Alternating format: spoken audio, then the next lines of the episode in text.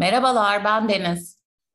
Merhabalar, ben de Olcay. True Crime Meçhule Giden Gibi podcast serimizin 65. bölümüne hoş geldiniz. E, bu iki bölümde biraz farklı bir format denemeye karar verdik. Biraz hem tatil e, rehaveti mi desek acaba buna yoksa tatil değişikliği mi? Şöyle dedik ki hazır e, kısıtlı zamanımız var neden bir bölümü iki kişi çalışıyoruz Allah aşkına bu seferlik herkes bir bölümü çalışıp birbirine anlatsa olmaz mı dedik açıkçası. Evet açıkçası öyle dedik e, değişik bir format deneyeceğiz. İlk bölümde Deniz bana anlatacak hikayeyi ben hiç bilmiyorum ne olduğunu. E, ikinci bölümde de yani, yani iki hafta sonraki bölümümüzde de ben Deniz'e anlatacağım ve arada bakalım yorumlar vesaire nasıl olacak. Güzel geçecek bence. Sen ne diyorsun bu konuda? Ben heyecanlıyım ya. Bir gerildim yani. Hadi bakalım başlayalım o zaman. Anlat beni, etkile beni. İstediğin zaman bölebilirsin, istediğin zaman tamam. sorabilirsin. Canım isterse cevap veririm, istemezse vermem, istersem internetten bak derim. Bence çok iyi cevap. Hadi başlayalım o zaman. Alaska'dayız bu bölüm. Alaska'nın Craig kasabasındayız. Burası 2020 nüfus sayımına göre yaklaşık 1000 kişinin yaşadığı 24 kilometrelik bir alana sahip. Herkesin birbirine tanıdığı küçük bir kasaba. Buyurun. Bir saniye bir şey söylemek istiyorum. Alaska dedin şu anda beni etkiledi. Çünkü benim Alaska ile ilgili muhteşem bir anım var. Bölümün sonunda anlatacağım o zaman izin verirsen. Tamam tamam. Peki sen tamam. de bin kişilik Craig kasabasında mıydın? Hayır bin kişilik Craig kasabasında değildim. evet, o zaman dinliyorum. tamam bölüm sonu e, değerli anılarını merakla dinliyor olacağım. Tabii ki değerli, çok değerli benim anılarım. Efendim Craig kasabasındayız. E, bin kişilik nüfus var dedim. Burası şey bir yer, dışa doğru göç veren bir yer. Nüfus her geçen sene gitgide azalıyor. 2010'da mesela nüfus 1200'müş. Bu kasabada yapacak pek bir şey yok açıkçası. Fazla turist de gelmiyor.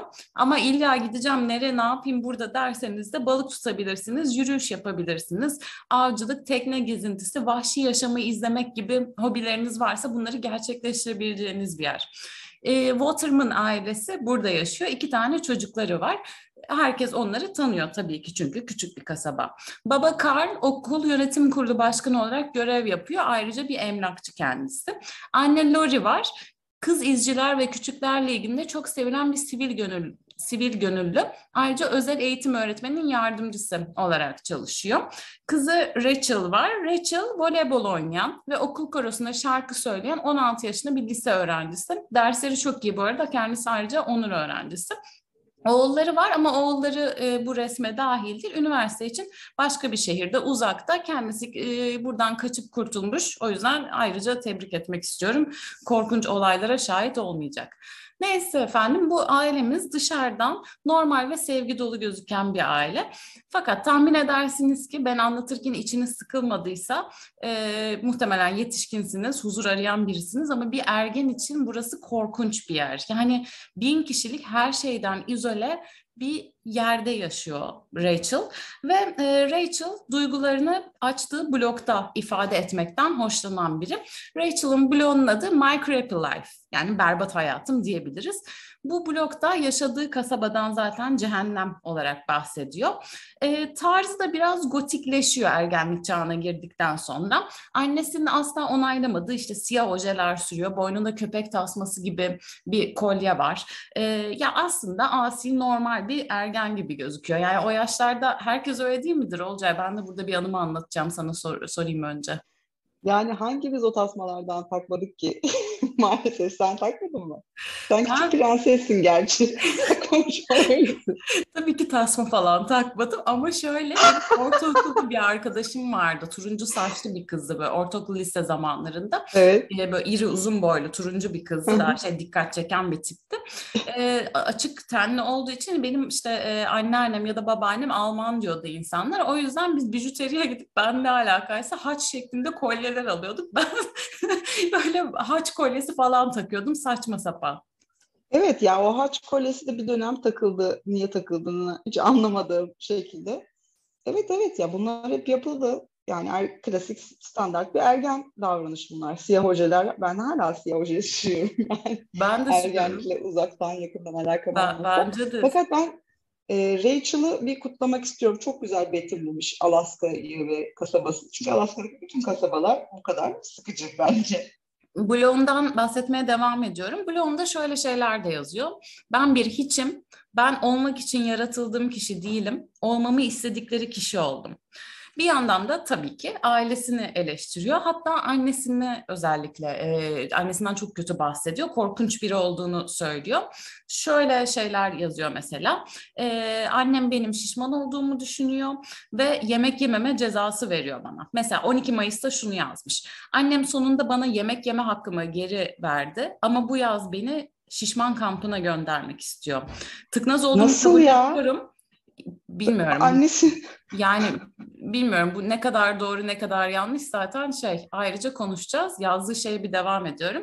Tıknaz olduğumu kabul ediyorum ama beni bu kampa gösterirse de sıska aptal bir kız olacağım. Yani bu kısım pek komik olmaz ama genel olarak oldukça eğlenceli olur bence. Aptal annem gibi şeyler yazıyor.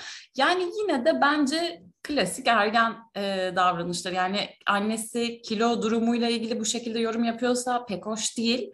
Ama yine de klasik bir ergen olduğuna hala hemfikir miyiz bu noktaya kadar? Evet, klasik bir ergen olduğuna hemfikiriz evet bence de. Evet, demin bahsettiğim bloguna yazdığı şeyler Mayıs ayındaydı. Şimdi 2004 yılının Kasım ayındayız. 14 Kasım günü. Baba ve kızı Rachel eve döndük, eve dönüyorlar. Ee, eve döndüklerinde anne evde değil ve ailenin arabası evde değil. Bir önceki akşam bu arada Rachel bir voleybol turnuvasında, baba da bir toplantı için şehir dışında. Yani anne tam olarak ne zamandır ortada yok, tam olarak kimse bilmiyor. Herkes birbirine çok yakın olduğu için direkt komşuya soruyorlar ya işte e, nerede ne zaman gördün en son diye. E, komşu diyor ki e, pazar günü ya bugün şey kiliseye gelmedi diyor. Normalde kilisede de görevli, kilisede de işleri var ve bu şey çok dindar bir aile bu arada. Yani ailenin ekstra dindar olması ve muhtemelen kızı da dini kurallara bağlı yetiştirmeye çalışması da kızın asiliğinin bir örneği olabilir bu arada hazır kiliseden bahsetmişken bunu da söyleyeyim. E, neyse hiç tarzı olmayan bir şekilde kiliseye gitmemiş o gün. Dışarıya gidiyorlar e, işte anneyi arayacaklar. Bakacak yerlerde çok sınırlı zaten. Nitekim e, kadını bulamıyorlar ve polisi arıyorlar. Ve polise e, kadının kayıp olduğunu söylüyorlar. Polisler hemen eve geliyor ilk başta memurlar yatak odasında ilginç bir şey buluyorlar. Yatak odasının zemininde bir lastik eldivenin parmak ucu var ve mutfakta boş bir şarap şişesi var. Bu çok ilginç çünkü anne içki içmiyor aslında ve gece de evde kimse yok yani e, ergen kızımız ne bileyim arkadaşlarını çağırıp partilemiş olabilir ya da işte babayla anne bir şey yapmış olabilir falan filan ama öyle bir iz yok. E, eve zorla girildiğine dair de bir iz yok. Bu arada bloguna dönelim Rachel'in. Rachel o gün bloguna şunları yazmış. Ankara'dan döndüm ve iyi bir yolculuktu. Biraz hastalandım ama olsun. Alışveriş yaptım, voleybol oynadım. Dizlerime kadar, kadar inen bu inanılmaz harika botları aldım. Kesinlikle onları seviyorum. Daha sonra resmini de paylaşacağım. Ertesi gün oluyor. Anne hala ortaya, ortada yok. Rachel artık okula gidiyor. E, saatler sonra ertesi gün yani annenin kayıp olduğunun ertesi günü. Avcılar ormanda 40 mil uzaklıkta ailenin arabasını buluyorlar. E, araç yanmış halde. Arka koltukta annenin kafatası bir kül yığınıyla çevrili. Yani şöyle söyleyeyim ortada bir insan kalıntısı var. Eğer kayıp ihbarı olmasa bu kişinin kim olduğu bile ortaya çıkmaz. Öyle korkunç yanıklar içerisinde. Ee, ölümün kaza olmadığı tahmin edersiniz ki çok açık. Rachel o akşam bloguna şunu yazıyor. Annem öldürüldü. Polis bilgisayarımı aldığı için hafta sonuna kadar bilgisayar erişimim olmayacak. Herkese düşünceleri ve e-postaları için teşekkür ederim. Bilgisayarımı geri aldığımda sizinle konuşmayı umuyorum. Nefesimi tutmuyorum. Bir şey söyleyeceğim burada Olcay. Ee, yani hı hı. tabii ki kızın dış hayatla e, çok fazla işte bir etkileşimi yok. Alaska dışında bir hayatı yok. O yüzden blog onun için çok önemli olabilir. Anlıyorum ama annen öldürülmüş. Sen beş takipçili bloğunda neden insanlara laf yetiştiriyorsun ki? Yani o zaten bana çok şaşırtıcı geldi. Bir de sürekli şey demesi, e, ya bilgisayarım olmadığı için aldılar ya benim bilgisayarımı. Ne yapalım Rachel sana bilgisayar mı alalım üç gün için? Tuhaf geldi. Bakalım ne çıkacak buradan. Hayırlısı artık. Ee, evet. Devam ediyorum. Craig sakinleri tabii ki bu haberle inanılmaz sarsılıyorlar. Yani toplum tarafından sevilen biri muhtemelen kendi evinden kaçırıldı ve gecenin bir yarısı oraya götürüldü. Yani bütün izler bunu gösteriyor çünkü. Ve aslında ortaya çıkacak şeyler işin boyutunu iyice değiştirecek. Bu noktada biraz ergenimizin, Rachel'ın aşk hayatından bahsedelim. Rachel'ın bir erkek arkadaşı var. Bu bazı nedenlerden dolayı asla annesinin onaylamadığı biri. Kendisi 24 yaşında. Adı Jason. Ee, ve bu kişi kadının ölümünden sonra evin etrafında aylak aylak dolaşıyor. Olay yeri hakkında şüpheli sorular soruyor. Annesinin bodrumunda yaşıyor ve lisede hademe olarak yaşıyor, hademe olarak çalışıyor. Tekrar ediyorum 24 yaşında, kız aralarında evet. 8 yaş var. Tekrar etmeni rica edecektim ben de. 24 yaşında okulda hademe olarak çalışıyor. Biraz da gerizekalı galiba. Olay yeriyle ilgili sorular soruyor ve evin etrafında dolaşıyor. Hmm. Harika. Kesinlikle. Bu arada Rachel aslında Jason'la değil, Jason'ın en yakın arkadaşıyla çıkıyormuş bundan önce. Onun adı Brian, o da 20'li yaşlarda. İlişkileri bitiyor, Brian kızı Jason'la tanıştırıyor. Bu ya biraz iğrenç bence, biraz ben çıkmışım da sen mi çık yani. Yani iğrenç bir yandan ama bir yandan da bin kişi var. Muhtemelen 800 kişisi zaten yaşlıdır. Kanal 200'de millet paylaşacak yani. Çok iğrenç ama gerçekten öyle olabilir. Yani yaşıtı erkek de çok fazla olmayabilir orada açıkçası. Ee, şöyle bu arada Brian bu olayla ilgili şunu söylüyor. İlk sevgilisi olan Brian bu. O sıralar güvendiğim tek kişi Jason'dı. Bu yüzden onları tanıştırdım. Bu iki adam ayrıca kan kardeşi ve benim olan her şey Jason'ın, Jason'ın olan her şey benim. Jason benden bir şey isterse onun için yaparım diyor şey söyleyeceğim de siz o olayı çok yanlış anlamışsınız. yani kan kardeşlik öyle olmuyor. Hani ya bence de, şey. bence de böyle olmaması gerekiyor yani. Ve şimdi kan kardeşini tam nasıl anladıklarını da hemen sana söylüyorum. Jason Lütfen. gözaltına alınıyor aptal aptal etrafta gezdiği için. Ve evet. Anında konuşuyor. Kan kardeşi Brian'ın Rachel'ın evet. annesini öldürdüğünü ve kendisinin Yok, de ona hayır. yardım ettiğini söylüyor. ya biraz şey saklasaydım be keşke. İşte kan kardeşi. yani. Evet evet direkt ötüyor. Ve dinle dinle. Dedektifler Jason'dan Brian'la konuşurken mikrofon takmasını istiyor. Tabii evet. ki takıyor. Böyle bir kardeşi çünkü kendisi. Ve e, olayı şöyle anlatıyor. Jason kadının evine saat 3'te girmiş e, Lori o sırada uyuyormuş ve uyurken ona saldırmış. Onu ilk başta şey kıyafetlerini değiştirmesini söylemiş. Çünkü öldüğünde de pijamayla değil zaten dışarıya giydiği bir kıyafetteymiş. Koli bandıyla bağlamış. Bir şişe şarap içmeye zorlamış ve arabanın arka koltuğuna atmış. Niye şişe şarap içmeye zorladı kadını? İşte zorluk çıkartmasın diye o sırada. Onu uyuşturma amaçlı. Hmm, peki. Daha evet. sonra bunu yapan Jason, Brian da onu dışarıda bir yerde bekliyor. Ee, ve daha önceden işte düşündükleri yere gidiyorlar. Bir işte ormana doğru gidiyorlar. Lori'nin boynunu kırmaya çalışıyor, başaramıyor. En son onu boğarak öldürüyorlar. Planları bu arada aslında kadını öldürüp sarhoş birinin araba kazası olarak göstermekti. Yani şey alkol hem kadın şey olsun diye işte daha rahat taşısın diye hem olaya kaza süsü versin diye biraz sabırlı hmm. olsaydın bunu zaten öğrenecektin olacak şey. soruyorsun. Yok pardon. Bir an önce ulaşmak istedim. Ama bu planları istedikleri gibi olmadı. Çünkü kadının vücudunda geniş yaralar var. Ve kanıtları gizlemek için minibüsü ateşe veriyorlar. Jason'la Brian tutuklanıyor. Cinayetle suçlanıyor. Peki asıl olay şimdi başlıyor olacak. Bunu neden yaptın? Daha da daha da mı var? Evet evet sen zannediyorsun ki şey Rachel'ın işte ilişkisini onaylamıyor diye iki kan kardeş evet. kadını öldürdü mü sanıyorsun? Hayır alakası yok. Hadi bakalım ne gelecek acaba? Buyur. İki adam da sorguda Rachel'ın bu suça dahil olduğunu söylüyorlar. Hayır. Ve, evet. Rachel onlara annesinin kendisini dövdüğünü söylemiş. Hatta blogunda şöyle yazılar da var. e, annesinin onu merdivenlerden düşürdüğünü, işte Lori'nin çok fazla öfke e, nöbetleri geçirdiğini ve kızına çok kötü davrandığını, onu suistimal ettiğini söylüyor Blonde'da. Bunları hem Blonde'da söylüyor hem de Jason'a ve Brian'a ayrı ayrı anlatıyor. Hatta yani öyle bir boyuttaki iş adamlar da buna inanıyor ve hı hı. E, annesi onu suistimal ediyor. Kızın hayatı tehlikede. Annesi onu öldürebilir diye düşünüyorlar ve yok artık. Annesi onu öldürmesin diye anneden kurtulmanın planını yapıyorlar. Aa, manipüle etmiş adamları. Dinle dinle.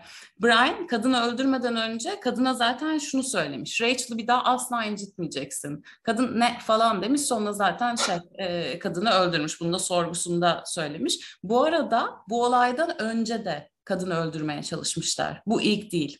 Aa gerçekten mi? Şöyle bir gün Jason e, Lori'nin voleybol antrenmanından sonra annenin yani kızını okuldan alacağını biliyor. Nereden biliyor? Kız söylüyor çünkü. Ve tüfeğini alıyor. Evet tüfeği var. Kadını ya. dışarıda bekliyor. Ee, ve ateş edecek, öldürecek yani silahla onu öldürecek. O sırada tüfeğinin cıvatasını unuttuğunu keşfediyor ve eve dönüyor. Çok zeki bu arada ya. Arkadaşlar da Allah'tan çok zekilermiş de hemen yakalanıp hemen de ötmüşler yani. Evet, nasıl evet. tüfekle gidip öldü ya nasıl inanılmaz. Sonra Rachel'ı tabii ki sorguya alıyorlar.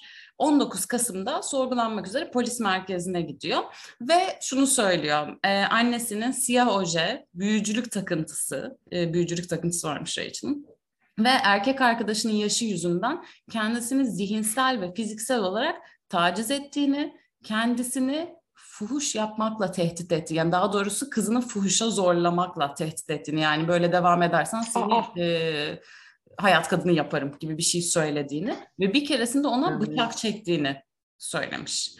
E, Rachel cinayette hiçbir ilgisi olmadığında ısrarcı ama Jason ve Brian da kızın e, direkt bu emri onlara verdiğini söylüyor. Bu arada şöyle de bir detay var. Rachel e, okula gidiyor ya şeyden sonra, olaydan sonra. Daha doğrusu Hı-hı. olay ortaya çıkmadan önce okulda olduğu gün daha ortada bir şey yok yani hiçbir şey ortaya çıkmamışken öğretmenlerine annesinin muhtemelen sarhoş olduğunu ve arabayla yoldan çıkmış Aa. olduğunu söylemiş. Evet, içki içmeyen annesinin yani ilk plana sadık kalmış aslında burada da kendisini ele veriyor. Çok iyiymiş. Çok iyi. Ee, ve işte polis de diyor ki tamam sen daha önce bunu söylemişsin zaten öğretmenler de söylüyor. Öğretmenlerini de sorguya aldık biz diyorlar. Ee, o da şey diyor ya hayır ben olayın öyle olduğunu zannettim diyor. Şarabı görünce herhalde içtiğini düşünmüştüm diyor. Ya bırak Rachel ya. Aynen öyle. Sonra sorgu devam ettiğinde Rachel e, iki adama Jason'a ve Brian'a annesinin o hafta sonu evde yalnız olacağını söylediğini ve ön kapıyı açık bıraktığını itiraf etmiş. Of. Evil. Seni küçük şeytan. Güya daha sonra bu fikirden vazgeçmiş ve Jason'ı aramış ama o zaman o zaman zaten e, annesi çoktan ölmüş ve Jason'a da ulaşamamış.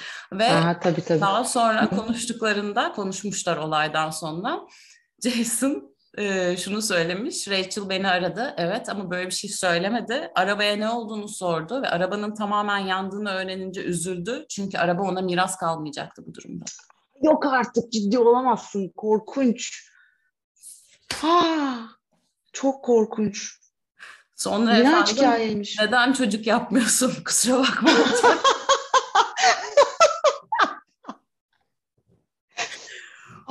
Burada işin diğer yüzüne de bir bakalım. Yani e, Lori bir şey yapmış olabilir mi? Hakikaten kıza bir zarar vermiş olabilir mi? Evet, yani evet. ne bileyim böyle bir niyeti olmuş olabilir mi? Fiziksel bir taciz ya da psikolojik taciz var mı? Yani Lori'yi tanıyanlar e, Rachel'ın asla kızının ilişkisini onaylamadığını ve e, hı hı. yani evet onaylamadığını ama kızına asla zarar vermeyecek biri olduğunu söylüyor. Yetkililer de polis de daha sonra taciz iddiaların asılsız olduğunu doğrulamış. Çünkü ortada hiçbir kanıt yok. Aksine bir tane mektup ortaya çıkıyor. Bir tartışma hı. sonrasında annenin Dory'e yazdığı bir mektup var. E, yani o mektuptan birkaç cümle söyleyeyim. Yani ben Lori'nin bir şey, şey yapmadığını e, Annenin Yani Laurie'nin kızına Rachel'a yazdığı mektup. Evet, evet evet.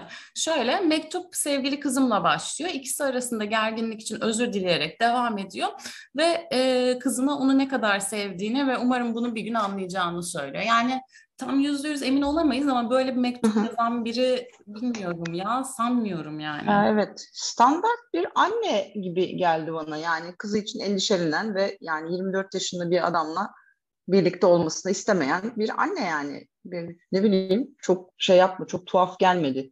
Bir de sonuçta herkesin onu tanıdığını düşünüyorum o bölgede. Yani bin kişilik bir yer işte kilise falan gidiyor durmadan.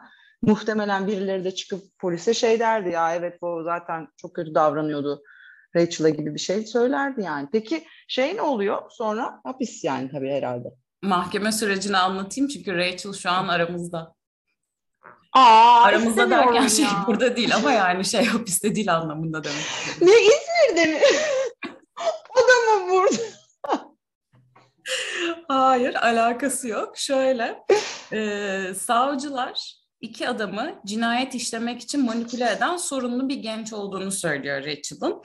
E, savunma ise Jason'ın Rachel'ı kullandığını, sonuçta onun bir çocuk, Jason'ın ise yetişkin olduğunu, ona zorla alkol, uyuşturucu ve sigara sağladığını söylüyor. Sonuçta kız yetişkin değil. Brian ve Jason tabii ki birinci derece cinayetten suçlu bulunuyor. Brian 99 yıl hapis cezasını çarpılıyor. Jason ise 50 yıl. E, bunu zaten tahmin ettiğimiz gibi. Kızın durumuna dönelim. Ee, babası tüm bu süreçte kızının yanında oluyor ve yetkilileri kızı itirafa zorlamakla suçluyor ve kızı sorguya aldıklarında kızın yanında avukatı da yoktu, e, herhangi bir yetişkin de yoktu. Yani bu şekilde sorgulama olmayacağını ve itiraf alamaması gerektiğini, yani o itirafın geçersiz olması gerektiğini savunuyor hem baba hem e, savunma avukatları. E, Temmuz 2011'de Rachel 3 yıl hapis cezasına çarptırılıyor. Ama daha sonra temizde gidiyor ve e, 16 yaşındaki bir çocuğun yetişkin olarak yargılanmaması gerektiği temelinde temizde bulunuyor. Mahkeme temizi aslında reddediyor ve eyalet yasasının cinayetle dahil olmak üzere ciddi suçlarda 16 yaşından küçük sanıklara yetişkinlerle aynı muameleye tabi bulunması gerektiği şartını şey, şart koştuğunu söylüyor. Ee, ama şey hapisten çıkıyor 3 yıldan sonra Rachel. Şu an Rachel Rocky adını kullanıyor. Artık özgür bir kadın. Florida'da yaşıyor. Ve My Creep Life bloğu devam ediyor. Yani o blok hakikaten önemliymiş demek ki. Ama bu of. sefer annesini şikayet etmiyor. Çoğunlukla Covid komploları hakkında konuşuyor blogunda. Covid komploları mı? of. Gene başkası adına utandık ya. Evet, sana bazı sorularım olacak. Sence kız evet. suçlu mu? Ne kadar suçlu? Bir soruya geçmeden önce ben bir me- merak ettiğimi atladın mı? Aa, onu sorayım. Bu anne ve baba ayrı mı? Yok ee, aynı evdeler. Rachel. Aynı evde. Aynı evdeler. Baba akşam şeydeydi, iş gezisindeydi. Anne evde tekti. akşam kahvedeydi değil Hayır hayır iş gezisindeydi. Alaska'da ne kahvesi sen daha iyi bilirsin de. Ha iyi okey tamam onu merak etmiştim. Evet e, dinliyorum sorularını. Ee, kız ne kadar suçlu sence? Ha, pardon. Ya kız bayağı şey vakı vakasındaki kadar suçlu bence. Nişay Carter miydi şeyi e, intihara evet. sürükleyen e, çocuğu? Onun kadar suçlu bence yani. Sadece burada e, 24 yaşında iki tane andaval adam varmış ve onları etkilemiş. O da onların gerzekliğinden kaynaklandığını düşünüyorum. Yani evet. Bunu... Ya sonuçta şöyle bir şey var. Kız bu adamlara bir şey demese anne hala hayatta olacaktı. Evet evet kız yani bu bayağı yönlendirmiş etmiş ama onlar da körü körüne inanmışlar yani kıza. E, bir de yani dövüyor falan filan deyip ne gösterdi işte şey e, sonuçta bir izmiz kalması lazım. Kendi kendine mi yaptı gösterdiyse eğer çok ilginç. Tam bir deli. Olabilir, olabilir. Çok acayip değil mi hikaye? Evet, hikaye inanılmaz iyiymiş. Yani ben şey bayağı sürekli plot twist oldu şeyde. Ee, yani Rachel'la geleceğini düşünmemiştim. Yani bir şekilde Rachel'la bağlantılı olur diye düşünmüştüm ama doğrudan annesini öldürtmeye yönelik bir hamle yapacağını düşünmemiştim. Vay, kadıncağız gitmiş ya. Evet, bu arada bazı kaynaklar, dinlediğim kaynaklar şey diyor, kızın işte e, bir genç kız olduğunu, işte küçük olduğunu ve e, onun aslında işte suçsuz olduğunu savunanlar da var. E, dinleyicilerimiz lütfen bize yazsın, siz ne düşünüyorsunuz? Ben suçlu buluyorum açıkçası ama yani siz yazın tabii ki de bence suçlu yani. Bence de yani kusura bakmasın ya bir de anneyi ya, yakarak öldürtmek ne ya yok artık. Evet evet bayağı şey vahşice ve ben şeye de e, acayip inandım yani kesin arabanın artık onun olmadığı öğrenince e, kız üzüldü yani onun e, bayağı doğru olduğunu düşünüyorum. O iki gerizekalı böyle bir şey uydurmaz çünkü. Yok be onlar uyduracaklar. bayağı salak ile avanak onlar belli ki yani. Sen bize Alaska'nın anlatsana. Hazır mısın? Çok güzel anladı. Şimdi efendim 2008 galiba yılında ben Alaska'ya gittim work and travel e, vardı o zamanlar. Hala var mı bilmiyorum ama. Var var ama dolar var mı? şey olduğu için herhalde kullanılıyor. fakir olduğumuz. Artık fakir olduk. Kullanım dışı kaldı. İşte o zamanlar biz bu kadar fakir değildik. work and travel'a gitmiştim ben de. E, yazın işte bir e, Haziran başı gidip Eylül sonu dönmek üzere gitmiştim. Ve de neden Alaska'ya gitmiyorum ki demiş idim kendime. Orada da Keçiken diye bir kasaba vardı. Oraya gittim. Nedir yani işin muhteviyatı? İş şey, balık ayıklamak. Ee, bayağı balıkçılık yapıyorsun orada. Balık fabrikasına giriyorsun. Bir sürü zaten fabrika var yan yana. İşte şey e, deniz kenarı olduğu için. Balıklar geliyor işte somon geliyor bilmem ne geliyor. Bayağı kocaman kocaman balıklar bu arada bizim gibi, gibi küçük balıklar değil. Onları ayıklıyorsun işte tesiste bayağı işçi olarak çalışıyorsun. Bir e, şey var yatakhanesi var orada böyle işte dört kişi kalıyorsun bir odada. Korkunç sefil bir ortam var yani. İşte Filipinliler var sana iş buyuruyorlar. Şey başka milletten insan var o işte bir şey yapıyor falan. Tamamen kozmopolit ama korkunç bir yer. Ve tabii ki e, Türk arkadaşlarımız da var. İşte toplamda 10 kişi falanız biz orada o sene giden. E, balıklar ayıklanıyor, kutulara koyuluyor.